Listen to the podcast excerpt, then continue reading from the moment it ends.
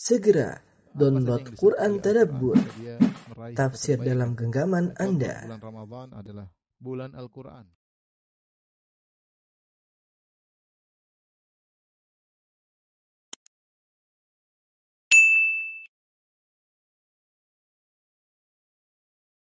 Bismillahirrahmanirrahim. Assalamualaikum warahmatullahi wabarakatuh. Alhamdulillahi ala ihsani wa syukur lahu ala taufiqihi wa amtinani. Asyhadu an la ilaha illallah wahdahu la syarika lahu ta'ziman li sya'ni. Asyhadu anna Muhammadan abduhu wa rasuluhu da'ila ridwani. Allahumma salli alaihi wa ala alihi wa ashabihi wa ikhwani. Para ibu-ibu yang dirahmati Allah Subhanahu wa taala, Majelis Taklim Al-Ittiba yang dirahmati oleh Allah Subhanahu wa taala, kita lanjutkan bahasan kita tentang tafsir surat Al-Baqarah. Kita sampai pada ayat ke-208. Allah Subhanahu wa taala berfirman, "Ya ayyuhalladzina amanu dukhulu fis silmi kaffah wa la tattabi'u khutuwatis syaitan innahu lakum aduwwum mubin." Wahai orang yang beriman, masuklah kalian dalam Islam secara totalitas, secara keseluruhan. Wala tattabi'u khutuwati syaitan dan janganlah kalian mengikuti langkah-langkah syaitan. Innahu lakum aduwwum mubin. Sungguhnya syaitan itu adalah musuh yang nyata. Baik ayat ini kita tuliskan terlebih dahulu ya. Ya ayyuhalladzina amanu udkhulu fis silmi kafah.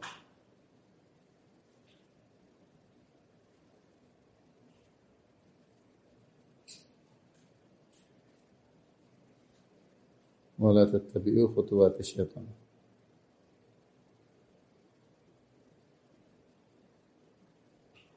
Innahu lakum aduwwum mubin. Baik, Allah buka dengan wahai orang-orang yang beriman. Ya. Wahai orang-orang yang beriman.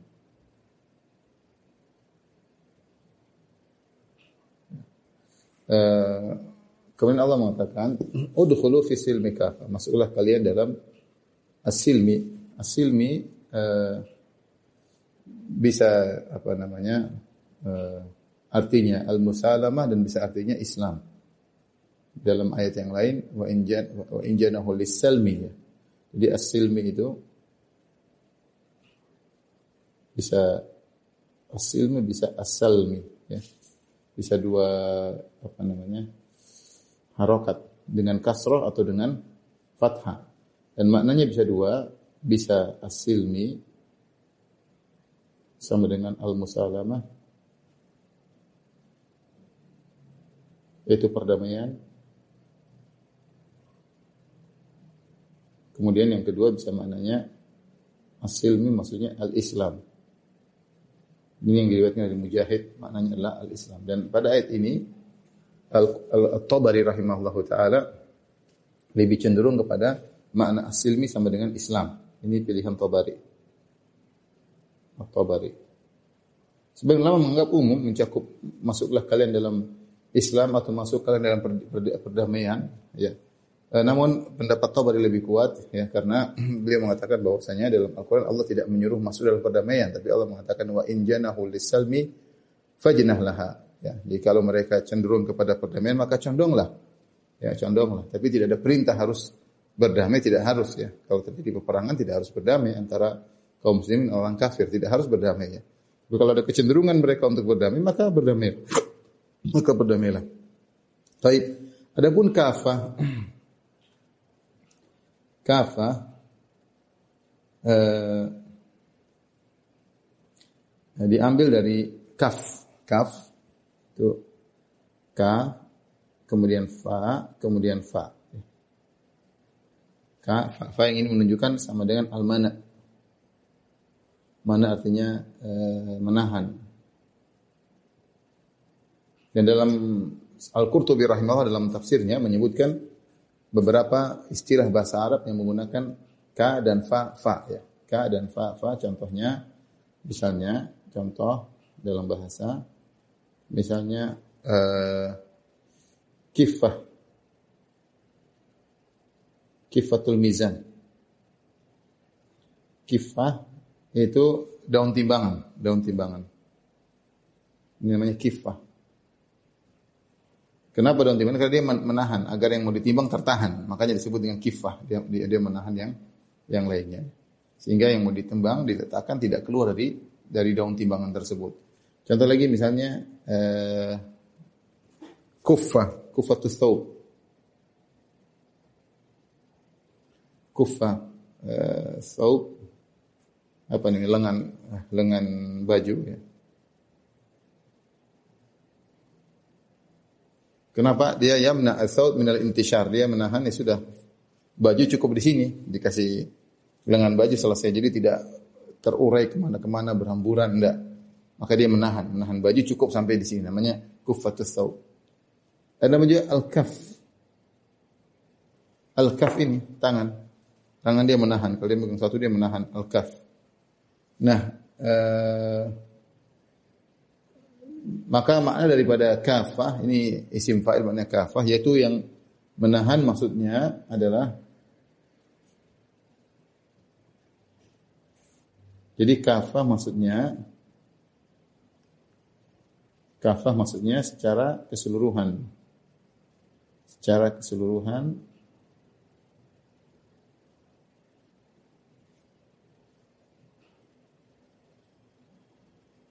tidak ada yang tertahan. Yang ter apa namanya menahan atau tertahan atau terhalangi. Terhalangi. Tidak ada. Semuanya mencakup. Nah di sini para ulama tentang kafah mereka dua pendapat. Kafah ini adalah hal dari apa? Ini rob kafah Eropnya adalah hal. Kafah kafatan. Eropnya adalah hal al-hal. Nah, mana sahibul halnya sedang menjelaskan tentang kondisi. Kondisi apa? Ada dua pendapat ya. Tentang sahibul hal. Mohon maaf yang apa namanya? Siapa yang sedang dijelaskan ini ngerti bahasa Arab? Saya perlu sampaikan. Ada yang mengatakan dua pendapat. Pertama maksudnya kembali kepada Islam. Sahibul halnya adalah Islam. Yaitu silmi. As-silmi yaitu al-Islam. Yang kedua, pendapat mengatakan sahibul halnya yang sedang dijelaskan adalah wau jamaah dalam dari ya ayyuhalladzina amanu amanu. Wau jamaah di sini maksudnya uh, sahibul halnya. Yang kalau kita artikan ini uh, contoh pembedaan makna ya ayyuhalladzina amanu udkhulu fi silmi kafah. Menurut pendapat pertama artinya Wahai orang beriman,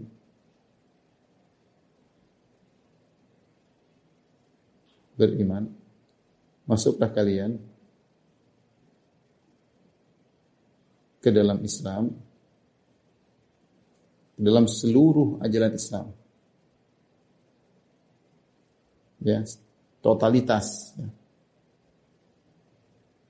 Jadi yang dimaksud kafah seluruh maksudnya, uh, jadi kafah ini maksudnya seluruh ya. Seluruh maksudnya apa? Seluruh terkait dengan Islam atau seluruh terkait orang beriman. Kalau kafah sahibul halnya adalah asilmi atau Islam maknanya wahai orang yang beriman masuklah kalian ke dalam seluruh agama Islam. Ya. Seluruh ajaran ya. Seluruh ajaran agama Islam. Artinya apa? Janganlah kalian mengikuti ajaran Islam dengan hawa nafsu. Kalau cocok dengan keinginan kalian, kalian ikuti. Kalau tidak cocok, kalian tinggalkan. Ini namanya tidak kafah. Dan inilah yang sering dipahami oleh masyarakat ketika dibilang masuklah ke Islam secara kafah. Maksudnya masuk secara seluruh aturan Islam kalian masuki. Apakah masalah adab, masalah akidah, masalah akhlak, masalah fikih, kalian apa masuk secara totalitas. Kerjakan semuanya. Yang kalian tidak mampu, berarti kan yang kalian tidak mampu kerjakan, belum mampu kerjakan,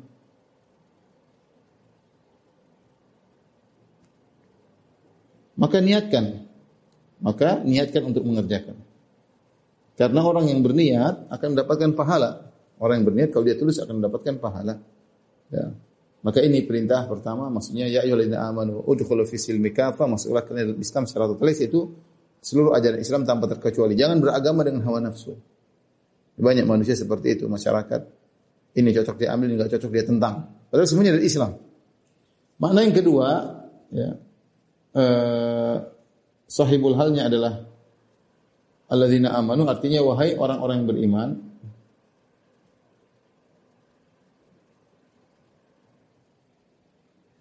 Hendaknya kalian seluruhnya hendaknya kalian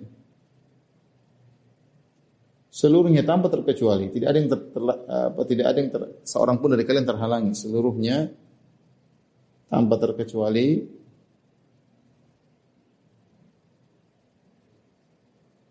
Untuk masuk Islam.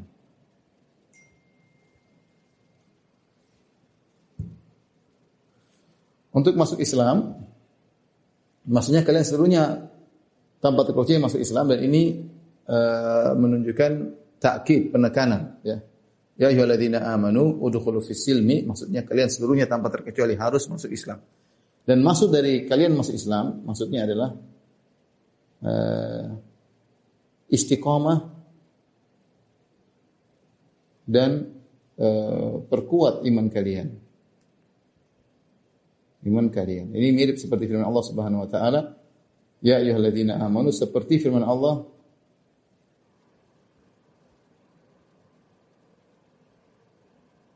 Ya ayyuhalladzina amanu aminu. Kata Allah ya ayyuhalladzina amanu. Aminu bi rasulihi.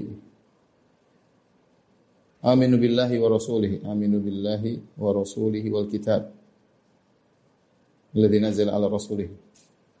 Allah berfirman, wahai orang yang beriman, jadi sudah beriman, wahai orang yang beriman, berimanlah. Ini orang-orang yang beriman, berimanlah. Mungkin ada yang bertanya, Ustadz, orang sudah beriman kok disuruh beriman lagi? Maksudnya adalah pertahankan imanmu istiqomah atau kau tambah imanmu. Meskipun kau sedang beriman, kau disuruh pertahankan imanmu atau bertambah imanmu. Ya. Karena iman bertingkat-tingkat. Dan kita butuh untuk istiqamah. Dan seperti ini banyak. Jadi seorang sedang melakukan sesuatu, diperintahkan untuk melakukan sesuatu yang sedang dia lakukan. Maksudnya apa? Maksudnya dia disuruh mempertahankan atau e, menambah. Contoh contoh sederhana orang sedang makan. Sedang makan, eh makan, makan, makan. Kita bilang sama orang sedang makan. Maksudnya apa? Makan terus, jangan berhenti. Atau tambah makanmu, itu maksudnya. Jadi seorang ya talabbas bisyai, dia e, apa namanya uh, sedang menjalankan sesuatu, kemudian dia disuruh menjalankan sesuatu yang sedang dia kerjakan.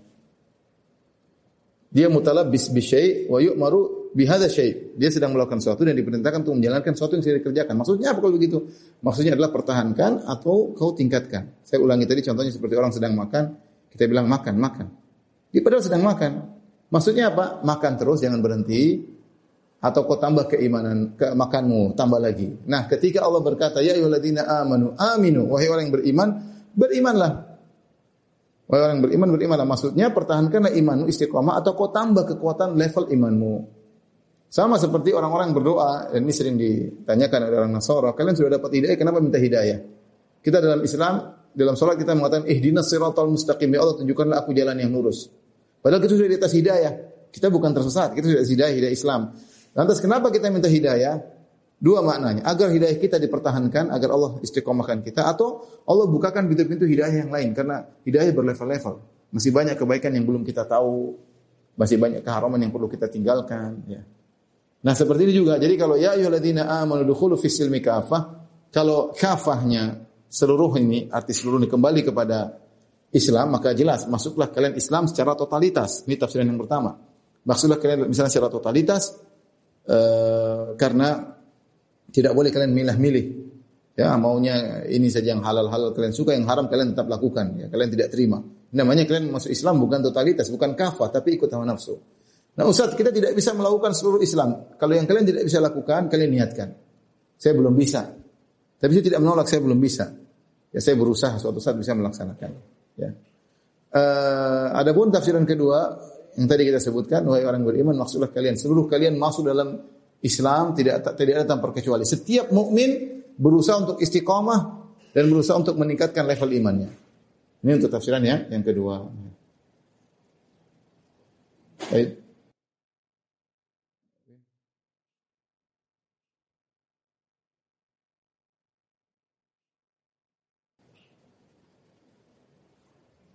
Setelah itu Allah berfirman, Wala tattabi'u khutuwati syaitan.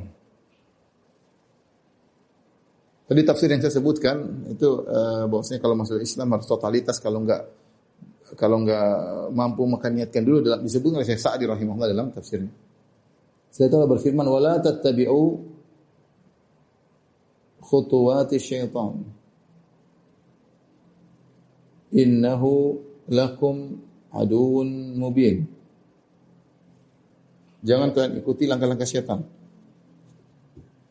Jangan ikuti langkah-langkah setan. Innahu lakum aduwwun sungguhnya setan adalah musuh yang nyata.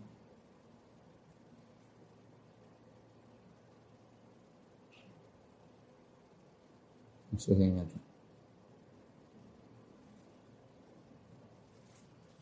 Tapi konsekuensi dari seorang ketika masuk Islam secara totalitas, dia harus menyelisih siapa? Ini konsekuensi dari Islam. Konsekuensi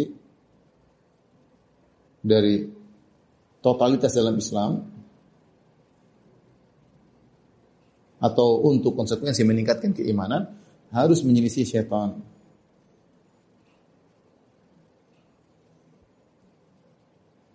Ketika Allah melarang kita mengikuti langkah-langkah syaitan, jadi khutwah dari khutwah, khutwah itu langkah, langkah. Khutwat artinya langkah-langkah syaitan. Artinya syaitan itu segala langkahnya harus dihindari. Kenapa? Innahu lakum adu mubin. Sungguhnya syaitan adalah musuh yang nyata. Ini sebab kenapa kita dilarang mengikuti syaitan. Illa. Sebab kenapa dilarang ikut syaitan? Karena syaitan adalah musuh yang nyata.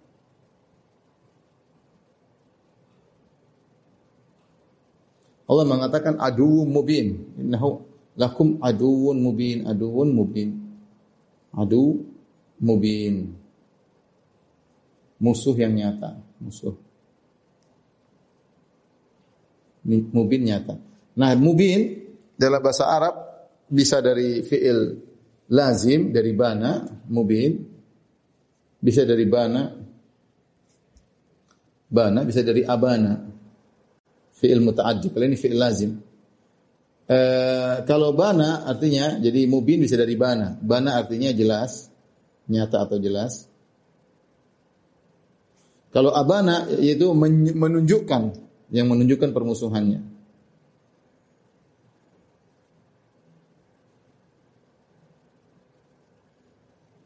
Nah, e, dua-duanya masuk dalam setan. Setan ini dia musuh yang jelas. Tidak perlu kita ragu bahwa setan adalah musuh. Inna syaitana lakum aduun fattakhidhu aduwa. Sungguh syaitan adalah musuh kalian dan eh, kalian harus menjadikan dia sebagai musuh. Demikian dalam Al-Qur'an Allah mengatakan inna hadza uh, uh, dalam Al-Qur'an kata surat Thaha kata Allah Subhanahu wa taala uh, aduwwul laka wa zaujika. Syaitan itu adalah iblis adalah musuhmu dan bagi istrimu wahai Adam. Jelas. Dan setan bukan cuma jelas sebagai musuh, dia juga mempertontonkan dirinya sebagai musuh dengan nyata-nyata menyatakan permusuhannya. Di antaranya ketika dia disuruh sujud kepada Adam, dia tidak mau. Dia mengatakan, Ana khairum minhu, aku lebih baik daripada Adam. Khalaqtani min narin wa khalaqtahu min tin. Aku, aku ciptakan aku dari api dan kau ciptakan Adam dari uh, tanah. Sehingga iblis musuh yang nyata dan juga menampakkan permusuhannya. Makanya Ketika Allah melarang sesuatu, Allah sebutkan ilahnya. Kenapa melarang? Karena setan tidak ada kerjaan lain kecuali menyesatkan manusia. Perhatikan. Semua langkah-langkah setan, khutuwat. Perhatikan, khutuwat. Setan. Langkah-langkah setan.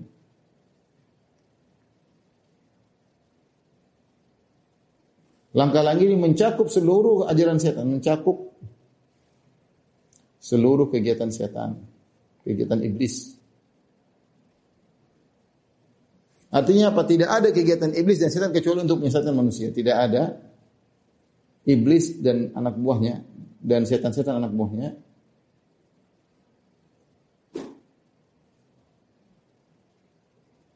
tidak punya kegiatan lain kecuali menyesatkan manusia.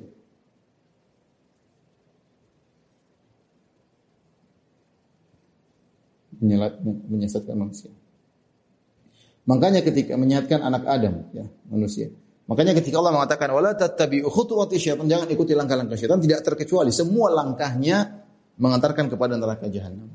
Jadi syaitan ini iblis makhluk yang Tujuan cuma itu, tidak ada kegiatan lain. Kalau manusia kan punya kegiatan banyak. Kegiatan ini, kegiatan aktivitas, makan dan minum, kegiatan uh, bertetangga, bersahabat, pemerintahan, kenegaraan. Banyak kegiatan manusia. Kalau setan dia nggak punya kegiatan kecuali menggoda manusia. Dia nggak ada kegiatan lain kecuali menggoda manusia. Karenanya dia fokus, fokus dan profesional dalam menggoda. Maka hati-hati. Ya, bahkan kalau kita lihat dalam hadis Rasulullah SAW menyuruh melarang mengikuti tradisi syaitan. Semua tradisi syaitan, kegiatan syaitan dilarang. Seperti uh, apa namanya Rasulullah mengatakan inna syaitana ya'kulu bishimal wa yashrabu bishimal wa ya'khudhu bishimal wa yu'ti bishimal. Setan itu makan dengan tangan kiri, minum dengan tangan kiri, memberi dengan tangan kiri, mengambil menerima juga dengan tangan tangan kiri. Maka disuruh eh, meninggalkan segala kegiatan syaitan. Kemudian juga dalam hadis inna syaitana yamshi bina alin wahidah. Setan itu kalau jalan dengan satu sendal saja. Loh kenapa begitu? Setan mungkin itu hobinya begitu. Ya, hobinya begitu. Semua kegiatan setan jangan diikuti. Rasulullah mengatakan uh, dalam hadis uh, yang diperselisihkan sebagian menghasankan hadis ini uh, kata Nabi SAW qilu fa inna syaitana la yaqil. Tidurlah sianglah kalian karena setan tidak tidur siang. Ya, terus sibuk menggoda manu, manusia. Ya.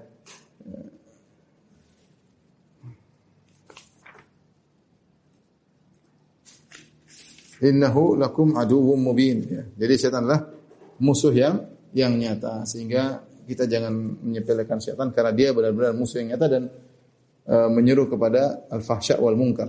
Tidak ada ke, perbuatan keji dan kemungkaran. Tidak ada kegiatan dia kecuali menggoda uh, manusia. Rasulullah melarang kita mengikuti setan bahkan dalam perkara-perkara tradisi kegiatan makan, minum tidak boleh tangan kiri. Apalagi langkah-langkah yang mengantarkan kepada kesyirikan. Taib, uh, kita lanjutkan.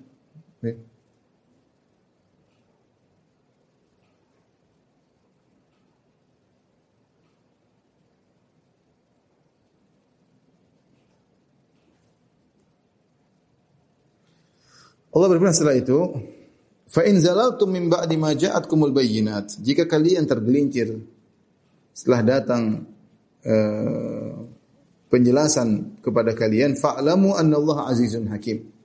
Ketahuilah bahwasanya Allah Maha perkasa lagi Maha bijaksana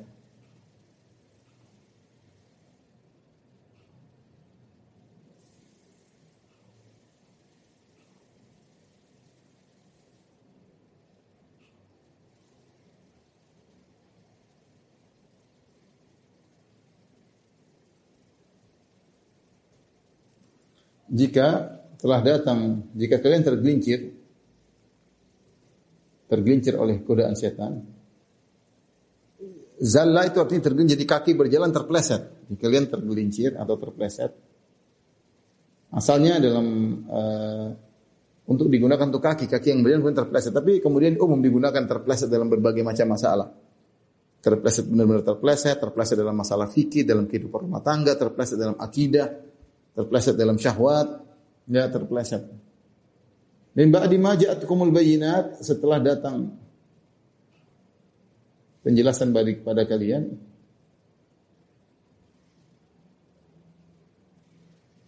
Fa'lamu anna Allah azim hakim. Ketahuilah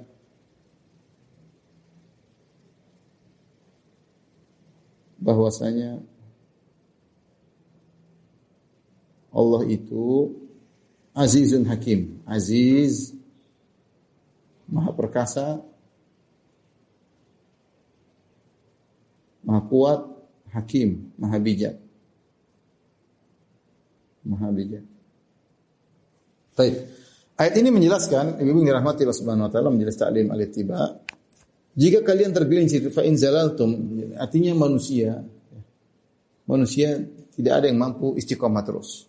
Artinya bagaimanapun berusaha suatu saat pasti tergelincir bagaimanapun. Kita berusaha istiqomah pasti tergelincir. Tidak mungkin istiqomah terus. Pasti suatu saat tergelincir. Saat terpleset pasti. Makanya Nabi SAW mengatakan istaqimu walan tuhsuh. Di antara makna hadis istaqimu walan tuhsuh istiqomahlah kalian dan kalian tidak bakalan mampu. Artinya pasti kita akan tergelincir. Ini Rasulullah apa Rasulullah sebutkan. Istiqomah kalian tidak bakalan mampu ya. fastaqimu ilaihi thumma tubu fastaqimu uh, fastaqimu ilaihi wastaghfiruh ya kata Allah Subhanahu wa taala uh, istiqamahlah ya dan uh, istighfarlah kepada Allah Subhanahu wa taala ya.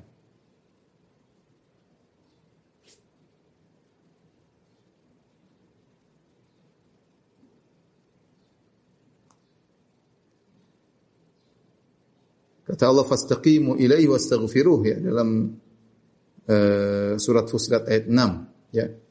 Fastaqimu ilaihi wastaghfiruh kata Allah Subhanahu wa taala.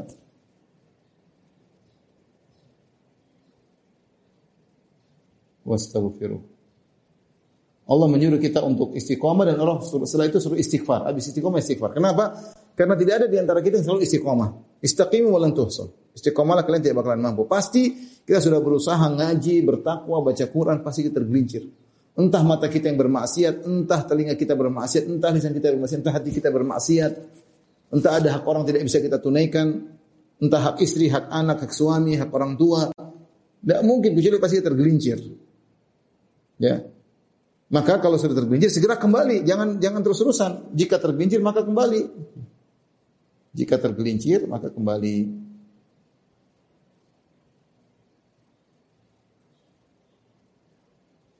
Tapi kata Allah min ba'di ma ja'atkumul bayyinah. Setelah datang penjelasan kepada kalian. Artinya kalau tidak tahu, tidak ada penjelasan, maka dapat uzur.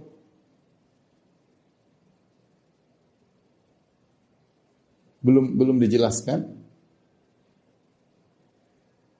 maka beruzur. Artinya beruzur bagi orang yang sudah berusaha mengenali kebenaran, namun belum sampai bab tentang hal itu dia belum paham, dia tergelincir maka nggak ada masalah. Ya, dia dapat uzur. Yang di sini yang Allah cela adalah orang yang tergelincir setelah dia tahu akan hal tersebut dan dia terus tamadi fil batil, dia terus ngayal dan terus melakukan kemaksiatan tanpa berhenti. Ya, ini yang, yang tidak dapat uzur. Ya, makanya Allah mengatakan uh, apa namanya? Uh, Allah wa kunna mu'adzibina hatta naba'atha rasulah. Kami tidak akan mengadab suatu kaum sampai kami utus kepadanya rasul. Artinya hujah ditegakkan terlebih dahulu. Baru kemudian uh, baru diberi hukuman dari Allah Subhanahu wa taala. Walaupun seorang tidak tahu maka ya mau diapain dia tidak tahu. Ya. Namun ingat bukan berarti tidak tahu kemudian dia sengaja tidak tahu tidak boleh. Namanya i'rad. I'rad juga dilarang. I'rad itu berpaling, tidak mau belajar. Nah, kalau dia berpaling tidak mau belajar kemudian terjerumus dalam kemaksiatan kemaksiatan tidak ada uzur bagi dia. Yang dapat uzur siapa? Yang dapat uzur adalah orang yang sudah berusaha belajar, berusaha mencari tahu, namun waktunya terbatas, kemampuannya terbatas, kemudian dia tergelincir tanpa pengetahuan dia. Makanya dimaafkan. Adapun orang sejak awal berpaling tidak mau belajar, kemudian terjerumus dan terjerumus tidak ada uzur bagi dia. Jadi di antara keadilan Allah, Allah tidak akan mengancam, mengadab kecuali kalau sudah ditegakkan hujjah. Makanya Allah mengatakan, "Fa in zalaltum min ba'di ma ja'atkumul bayyinat." Kalau kalian tergelincir setelah datang penjelasan, fa'lamu anallahu azizun hakim. Ketahuilah Allah itu Aziz dan Hakim, Maha Perkasa, Maha Hakim. Jadi kalau antum tahu, kalau kita tahu Allah itu Aziz Hakim, maka waspada, jangan terus-terusan bermaksiat. Jika tahu Allah, jika tahu, jika telah, jika kita mengetahui Allah Aziz, Allah Perkasa, dan bijak, maka tinggalkan maksiat dan bertobat.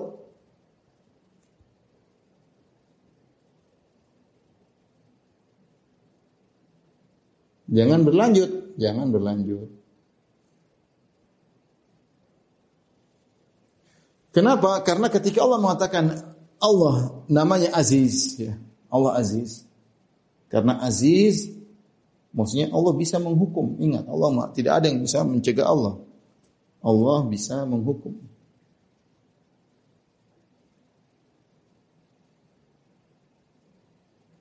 bisa menghukum, mengazab. Allah bisa karena Allah aziz. Pernah mengatakan izzatullah ya. Ada uh, izzatul qahar, ada uh, izzatu nafs ya. Sebut uh, al-aziz ada makna izzatu qadar, izzatu qahar dan izzatu imtina. Ya, izzat al-aziz itu oleh Syekh Utsaimin rahimahullah menyebut tiga makna. Izzah yaitu keperkayaan. Izzatu qadar yaitu Allah maha perkasa secara zatnya Allah maha kuat. Izzatu qahar, izzatu qahar maksudnya Allah itu maha perkasa dan dia bisa mendominasi karena tidak ada yang bisa mengalahkan Allah Subhanahu wa taala. Wa izzatum tina ya. Uh, ya artinya tidak ada yang bisa memberikan keburukan kepada Allah. Allah terlindungi karena dia perkasa. Jadi di antara makna izzah adalah izzatu qahar.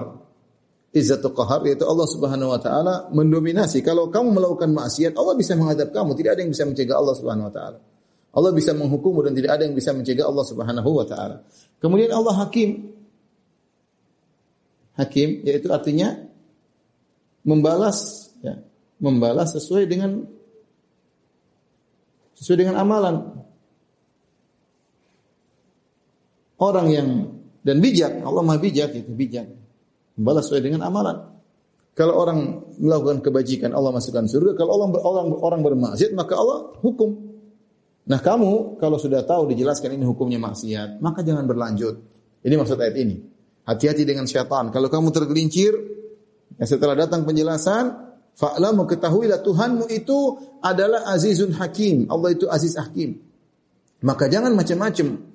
Kalau kamu sudah tahu Allah azizun hakim, Allah aziz, Allah bisa menghukum, ya maka jangan terus bermaksiat.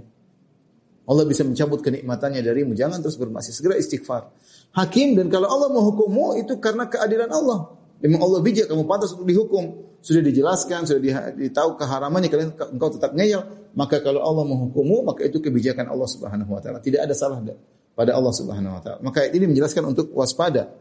Ya waspada untuk jangan terus-terusan dalam kemak kemaksiatan. Dan ini menunjukkan kalau kita mengetahui mengetahui saja tidak saya Utsaimin menyampaikan faedah ini uh, bahwasanya namanya Islam itu bukan hanya mengilmui tapi harus konsekuensinya melaksanakannya. Maksudnya apa? Bisa jadi kita tahu Allah memang maha perkasa, Allah memang maha bijak, tapi kita tidak menjalankan konsekuensinya. Konsekuensinya kalau kamu tahu Allah maha perkasa, ya kamu harusnya takut. Kamu harusnya berhenti, kamu harus segera istighfar kalau terjerumus. Ya. Bukan hanya segera mengetahui tapi tidak menjalankan konsekuensi. Ya, dan itu adalah kesalahan sebagaimana kita dapat di sebagian orang-orang non muslim seorang kafir, mereka tahu bahwasanya ini yang benar, tapi tidak ada konsekuensi untuk tunduk dan melaksanakan ilmu yang telah mereka dapatkan tersebut. Seperti Abu Talib. Abu Talib sudah tahu Nabi Muhammad benar tapi sallallahu alaihi tapi dia tidak mau mengikuti. Dalam syairnya dia berkata laqad alimtu bi anna dina Muhammadin min khairi adyanil min khairi adyanil bariyati dina walau al malamatu wa hidharu masabbatin lawajatani samhan bidzaka mubina. Sungguh aku telah tahu bahwasanya agama terbaik adalah agamanya Muhammad. Seluruh agama manusia terbaik adalah Muhammad. Tetapi aku tidak mengikutinya. Kenapa? Karena aku takut cercaan, cacian. Ini contoh ilmu namun tidak ada konsekuensinya. Jadi kalau kita tahu Allah Maha Perkasa, Maha Bijak, maka waspada. Tapi setelah itu, selanjutnya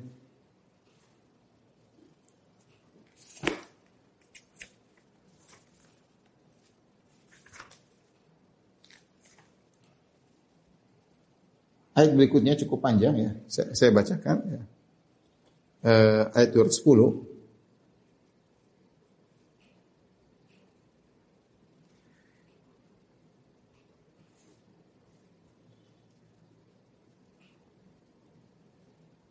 Kata Allah Subhanahu wa taala, "Hal yanzuruna illa ay ya'tiyahumullahu fi dhulalin minal ghamami." Ya. Hal yanzuruna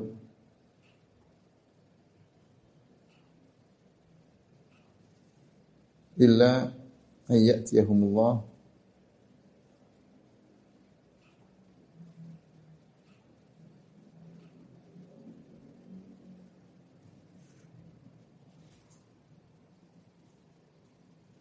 fi dhulalin minal ghamami wal malaikatu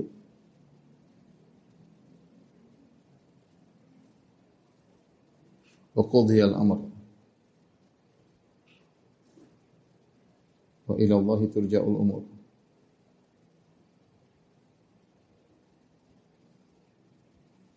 Baik, kata Allah Subhanahu wa taala, ya, hal di sini maksudnya ma. Hal maksudnya adalah ma. Eh, ma, ya, artinya yang dur maksudnya menunggu. Hal yang duruna illa, tidaklah mereka menunggu. Tidaklah mereka menunggu illa an ya'tiyahumullahu fi dhulal minal ghamami kecuali kecuali Allah mendatangi mereka.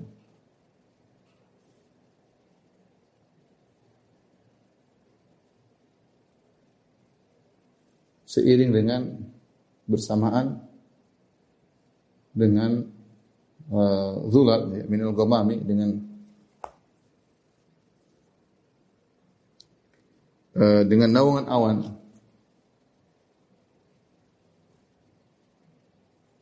dan para malaikat.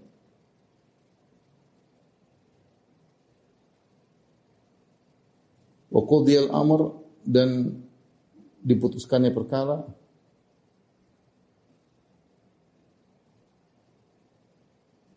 wa ila Allah turjamul umur kepada Allah lah seluruh perkara dikembalikan.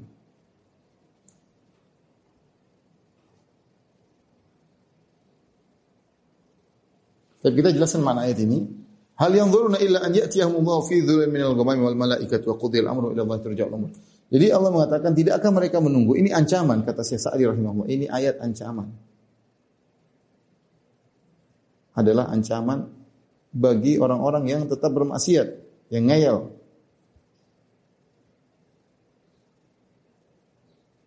Dalam maksiat atau kekufuran. Ya karena Allah sudah jelaskan hati-hati ada syaitan. Kalau kalian tergelincir ketahuilah Allah adalah Azizun Hakim. Kalian masih ngeyel, kalau kalian masih ngeyel, kalian mau tunggu apa lagi? Apakah apa yang kalian mau tunggu? Mau tunggu nanti Allah hukum kalian? Masih ngeyel, masih bermaksiat. Dan ini uh, apa namanya? Uh, pernyataan saya Sa'di rahimahullah taala, saya bacakan indah ya. Wa fihi min al-wa'id syadid wa tahdid ma tankhali'u lahu al-qulub. Ya. Dan ini ada ancaman yang keras yang uh, yang, yang membuat hati ini menjadi takut ya, lepas jantung ini menjadi lepas karena ketakutan. Ya qulu ta'ala ancaman keras itu maksudnya apa? Kata kata kata Allah, hal yang tadhiru sa'una fil fasadi fil ardi. Apakah orang-orang yang melakukan kemaksiatan di atas muka bumi melakukan kerusakan? Al-muttabi'una li khuwati syaitan yang mengikuti langkah-langkah syaitan. An-nabud an-nabiduna li amrillah illa illa yaumal jazail bil amal yang melemparkan perintah Allah. Apa yang mereka tunggu? Apakah mereka hanya menunggu balasan mereka atas perbuatan mereka pada hari kiamat kelak? Ya. Alladzi qad husyiya min al-ahwali wasyada'id wal fadha'i. Menunggu hari tersebut, hari yang sangat mengerikan yang berisi dengan kengerian, kedahsyatan, ma yuqalqil qulubadz zalimin yang membuat jantung orang-orang perbuatan berbuat zalim maka bergetar. Ya, wa yahiqul bihil jazaa'u sayyi' 'alal mufsidin dan di situ hari di mana balasan yang buruk pantas diserahkan kepada orang-orang yang melakukan kerusakan. Wa dzalika anna Allah taala yatwi samawati wal ard. Hari tersebut perhatikan hari yang biasa. Kalian nunggu apa empat bermaksiat terus? Nunggu hari tersebut. Hari di mana Allah melipat langit, Allah menggenggam bumi. Wa tanatharul kawakib dan bintang-bintang berjatuhan. Wa tukawwaru syamsu wal qamar. Langit dan matahari diredupkan. Wa tanazzal wa tanazzal malaikatul kiram malaikat pada turun. Ya. Fatuhitu bil khalaik maka malaikat meliputi seluruh makhluk. Wa yanzilul bari tabaraka wa taala. Kemudian turunlah Allah Subhanahu wa taala. Mendatangi mereka fi dzulalim minal ghamami bersamaan dengan adanya awan-awan yang uh, turun ketika itu liyafsila baina ibadihi bil qada wal adl bil qada'il adl agar Allah memutuskan hukuman bagi hamba-hambanya dengan persidangan yang adil Fatudha'ul mawazin, maka timbangan-timbangan diletakkan. Wa tunsyaru dawawin, catatan-catatan amal kemudian dibuka. Wa tabayyadu wujuh ahli sa'adah. Wa tabayyadu wujuh ahli sa'adah, orang-orang yang berbahagia wajah mereka menjadi putih. Wa taswaddu wujuh ahli syaqawa, orang-orang pelaku maksiat wajahnya menjadi hitam. Wa yatamayyazu ahlul khair min ahli syarr, orang yang baik terbedakan dari orang yang buruk. Wa kullun yujaza bi amalihi. Masing-masing akan dibalas pada uh, dengan amalnya. Fahunalika ya'addu dhalimu ala yadayhi. Ketika itu maka orang yang zalim akan menggigit tangannya. Idza alima haqiqata ma huwa ali. Ketika dia mengetahui hakikat apa yang dilakukan selama ini. Ya. Ini, ini maksudnya kata Sa'di Sa'di. Ini ayat sebenarnya mengerikan. Ancaman bagi orang pelaku maksiat. Kalian mau begitu sampai kapan? Mau nunggu nanti hari kiamat. Hari di mana bintang-bintang dijatuhkan, hari di mana langit dilipat, bumi di dalam genggaman Allah Subhanahu wa taala. Ya, hari di mana bintang-bintang berjatuhan, hari di mana lautan menjadi lautan api, hari di mana Allah Subhanahu wa taala turun untuk bertemu dengan mereka bersamaan dengan iringan awan-awan, awangan-awan yang di mana Allah Subhanahu wa taala menghukum mereka. Ya. Di situlah kemudian timbangan-timbangan akan diletakkan, catatan amal akan dilemparkan, terlihat terbuka. Ya. Kalian tunggu hari tersebut. Mau tunggu hari tersebut.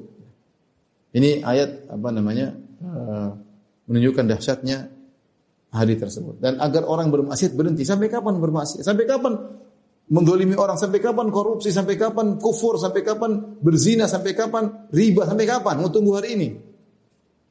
Itu maksud. Ini ayat mengerikan sebenarnya. Nunggu sampai malaikat datang meliputi kalian. Wa qudiyal amru ila Allah turja'ul amr dan keputusan akan ditegakkan dan kepada Allah kalian akan dikembalikan. Nah, qudiyal amr di sini qudiyal amr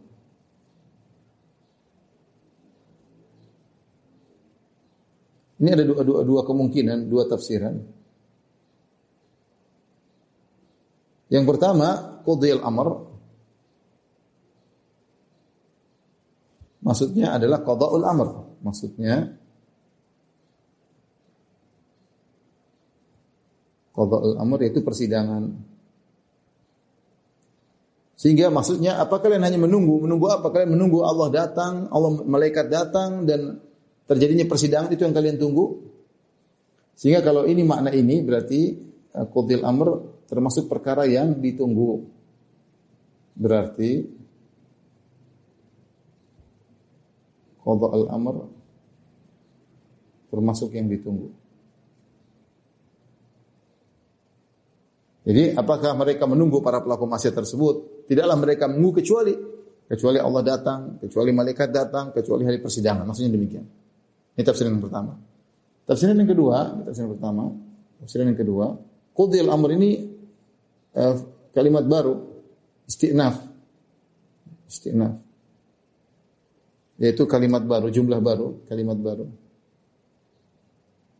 Maksudnya maka pada hari itu maka pada hari itu seluruh perkara terselesaikan.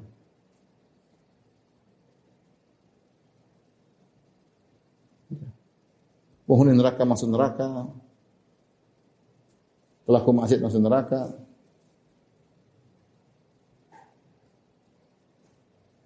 ke neraka, pelaku kebaikan ke surga. Ini maksudnya. Dan ini juga oke, okay, artinya selesai. Mau apa lagi? Tidak ada jalan lari, selesai. Ya. Artinya apa? Tidak ada tempat lari. Selesai. Wa ila Allah turja'al umur, semuanya dikembalikan kepada Allah. Wa ila Allah umur. Ini uh, dua makna qudiyal amr, dua makna. Uh, ada yang mengatakan bahwasanya tidaklah mereka menunggu para para pemaksud kecuali datangnya Allah, malaikat dan juga hari persidangan. Ada yang mengatakan mereka tidak menunggu kecuali datangnya Allah dan para malaikat yang akan meliputi mereka. Wa qudiyal amr dan pada hari tersebut perkara sudah terselesaikan, tidak ada bisa lari. Yang penghuni pelaku maksiat masuk neraka, penghuni pelaku kebaikan masuk surga. Wa ila Allah turja'ul umur segalanya urusan Allah. Tidak ada namanya mau lari kanan lari kiri semua terselesaikan. Kemudian saya bacakan perkataan ini dari Syekh Sa'di melanjutkan ayat ini. Uh, saya baca Cukup panjang tapi mohon ibu bersabar tentang akidah. Ah, beliau berkata, "Wa hadhil ayah wa ma asbaha dalilun li madhhabi ahli sunnah wal jamaah." Ayat ini dan yang semisalnya merupakan dalil tentang akidah ahli sunnah wal jamaah yang menetapkan sifat-sifat Allah ikhtiyariyah. Sifat-sifat Allah maksudnya terkait dengan jika Allah berkehendak Allah lakukan, jika tidak Allah tidak lakukan. Ya, beda dengan ahlul bidah. Ahlul bidah mengatakan Allah statis, tidak melakukan apa-apa. Allah sejak dahulu sampai sekarang tidak berubah, tidak pernah berbuat begitu-begitu saja, statis. Dan saya sudah, saya sudah sampaikan dalam kajian bagaimana ini adalah terpengaruh dengan akidahnya Aristoteles dan Plato yang mengatakan Allah statis. Allah sudah sempurna, statis, tidak boleh berbuat ini, tidak boleh berkendak ini, selesai nggak ada. Ini syubhat dari falsif, falasifah Yunaniyah, filsafat Yunani yang akhirnya masuk ke dalam ya, kelompok-kelompok mu'atilah yang menolak menolak sifat. Sehingga mereka menolak sifat ikhtiyariyah. Kata mereka tidak ada. Allah mau begini, begini nggak ada. Maka mereka menolak Allah istiwa, Allah datang, Allah berbicara mereka tolak. Ya, semua sifat-sifat ikhtiariyah mereka tolak. Karena mereka mengatakan kalau Allah uh, berbicara berarti ada perubahan dan ini semua adalah syubhat mereka. Kal istiwa wa nuzul wal maji. Al-sunnah menetapkan sifat istiwa, nuzul turunnya Allah dan datangnya Allah. Wa nahwi dzalika min sifat allati akhbara biha ta'ala. Dan sifat-sifat yang seperti ini yang Allah kabarkan tentang dirinya. Dan dikabarkan oleh Rasulullah SAW bahwasanya Allah melakukannya. Fa yuthbitunaha ala wajhin yaliqu bi jallahi wa 'azamatihi. Maka ahlu sunnah menetapkan sifat-sifat ini sesuai dengan keagungan Allah. Tidak seperti manusia tentunya. Ya, kita bilang istiwa Allah tidak sama seperti istiwa manusia. Turunnya Allah tidak seperti turunnya manusia. Datangnya Allah tidak seperti datangnya manusia. Ya sebagaimana tangannya Allah tidak tangan manusia, zatnya Allah tidak seperti zatnya manusia, wajah Allah tidak seperti wajah manusia. Min ghairi tasbih wala tahrif. tahrif. Berbeda dengan kaum Mu'attilah dengan berbagai macam model mereka. Minal Jahmiyah dari kalangan Jahmiyah wal Mu'tazilah dari kalangan Mu'tazilah wal Asy'ariyah wal Asy'ariyah dari kalangan Asy'ariyah dan yang semisal mereka. Mimman yanfi hadhihi sifat yang mereka menolak sifat-sifat ini wa yata'awwalu li ajliha al-ayati bi ta'wilatin ma anzalallahu alaihi min sultan. Mereka mentakwil ayat-ayat ini dengan takwil-takwil yang tidak ada dalam Al-Qur'an. Bal haqiqatuha al-qadu fi bayanillahi wa bain rasulih. Bahkan takwil-takwil yang mereka lakukan ini hakikatnya adalah mencela penjelasan Allah dan penjelasan Rasul. Karena Allah menjelaskan begini mereka tidak percaya. Kata mereka enggak. Uh, Nabi bilang begini, mereka bilang enggak. Padahal mereka tahu bahwasanya zohirnya seperti itu, tapi mereka bilang zohir ini enggak benar. Kalau begitu ketika Allah berbicara tentang zahirnya begini, Nabi kata mereka zahirnya enggak begitu, zahirnya enggak begini, berarti Allah tidak mampu menjelaskan dong. Berarti Nabi tidak mampu menjelaskan. Coba kita kembali misalnya ayat-ayat tentang sifat. Allah mengatakan Allah di atas kata mereka enggak di atas. Puluhan ayat, ratusan dalil menunjuk Allah di atas kata mereka enggak di atas. Subhanallah. Terus gimana? Allah salah jelaskan dong. Nabi berdoa ke atas, Nabi tunjuk ke atas, salah semua. Berarti Nabi enggak pandai menjelaskan. Repot. Ya. Allah bilang Allah di atas langit, kata mereka enggak, Allah tidak di, tidak di luar, tidak di dalam. Tidak di luar alam, tidak di dalam alam. Gimana? Allah salah menjelaskan. Allah salah menjelaskan. Nabi mengatakan Nabi ke atas ketemu dengan Allah kata enggak itu bukan ketemu Allah. Allah tidak di situ. Repot kan? Allah mengatakan Allah punya tangan kata mereka Allah tidak punya tangan. Terus gimana? Allah mengatakan Allah punya wajah kata mereka Allah tidak punya wajah. Gimana? Nabi dalam hadis ini mengatakan Allah punya tangan dan sifat tangan dalam hadis banyak sekali. Nabi mengatakan Allah Subhanahu wa taala punya wajah di antara kelezatan nikmat hari kiamat melihat wajah kata mereka enggak ada wajah. Mereka tolak. Sifat ikhtiyariyah mereka tolak, sifat sebagian sifat dzatiyah mereka tolak. Ini semuanya mereka takwil. Nabi mengatakan Allah turun ke langit dunia, kemudian Allah Subhanahu wa taala menawarkan siapa yang ber, ber, mohon ampun akan diampuni, siapa yang uh, minta akan dikabulkan. Kata mereka enggak ada yang turun, yang turun bukan Allah, yang turun malaikat. Loh, kalau malaikat apa berani malaikat bilang e, siapa yang minta ampun akan aku ampuni? Apa malaikat berani ngomong gitu? Itu Allah yang turun. Ya, bagaimana aja jangan jangan disamakan dengan manusia. Ada mereka mengatakan maksudnya yang turun rahmat lah. Rahmat Allah turun tiap saat bukan sepertiga malam yang terakhir saja. Yang turun rahmat Allah, rahmat Allah. Dan kemudian turun cuma ke langit dunia. Ngapain rahmat cuma gantung di langit dunia, tidak sampai kepada sang hamba. Ini mereka takwil. Nabi bilang gini, kata mereka enggak, kata enggak masuk akal, enggak masuk akal, enggak masuk akal. Berarti Nabi salah menjelaskan. Bayangkan ketika haji wada Rasulullah SAW di hadapan 100 ribu orang ada Arab Badui yang baru masuk Islam yang sudah masuk Islam. Nabi mengatakan Allahumma syahati Allah saksikan. Rasulullah tunjuk. Ternyata Rasulullah bohong. Ternyata Allah tidak di atas. Kata Nabi, ya Allah saksikan. Ternyata Nabi tidak tunjuk oleh bohong dong Nabi. Membohongi 100 ribu orang di depan dia. Jadi jadi sebenarnya kata Syekh Sa'di, takwil-takwil mereka itu berarti al-qadah fi bayanillah wa rasulih. Mereka mencela Allah dalam menjelaskan. Allah tidak gampangannya tidak becus dalam menjelaskan. Nabi SAW juga tidak becus dalam menjelaskan. Kenapa? Karena penjelasannya zahirnya ternyata salah. Ini kan berarti bukan Al-Quran bukan sebagaimana dijelaskan. Bukan kitab petunjuk tapi kitab penyesatan. Kalau harus mengikuti takwil-takwil mereka. Kenapa semua yang zahirnya dalam Al-Quran kata mereka tidak tidak benar. Bukan begitu maksudnya. Kata Syekh Sa'di, "Fahaula'i laisa lahum laisa ma'ahum dalil naqli." Mereka tidak punya dalil naqli. Dalil coba sebutkan dalil saja dalam Al-Qur'an dan Sunnah. Rasulullah pernah berkata maksud tangan adalah kekuatan. Maksud wajah adalah zat. Tidak ada sama sekali dalam Al-Qur'an dan Sunnah. Maksud Allah di atas bukan di atas. Pernahkah Rasulullah menjelaskan sekalipun? Pernahkah dalam Al-Quran menjelaskan sekalipun? Mereka tidak punya dalil secara nas, tidak ada. Bal wala dalilun akli. Dan bahkan mereka tidak punya dalil akal. Dalil akal bagaimana? Allah tidak di atas, Terus Allah di mana? Tidak tidak di, tidak di atas, tidak di luar alam, tidak di dalam alam. Berarti Allah tidak ada dong. Ini sudah saya jelaskan panjang lebar. Allah tidak ada. Kita ini Allah dibandingkan dengan kita. Kalau tidak di luar kita, bersama kita dalam kita. Ini kata dia Allah tidak di dalam alam, Allah tidak di luar alam. Berarti Allah nggak ada dong. Tidak masuk akal. Tidak masuk masuk akal. Dan banyak saya bahas tentang ketidak masuk akalan uh, akidah mereka ya dalam secara akidah wasitiyah. Amma naqli adapun dalil secara nas faqad i'tarafu bi anna nusul warida fil kitab wa sunnah zahiruha bal sarihuha dalun ala madhhab ila sunnah. Mereka padahal mengakui bahwasanya zahirnya dalil-dalil Al-Qur'an dan sunnah menunjukkan akidah Ahlussunnah sebagaimana kita yakini. Ya. Wa annaha tuhtaju di dalalatiha ala madhhabil batil dan bahwasanya dalil ini membantah keyakinan batil mereka. Dan seterusnya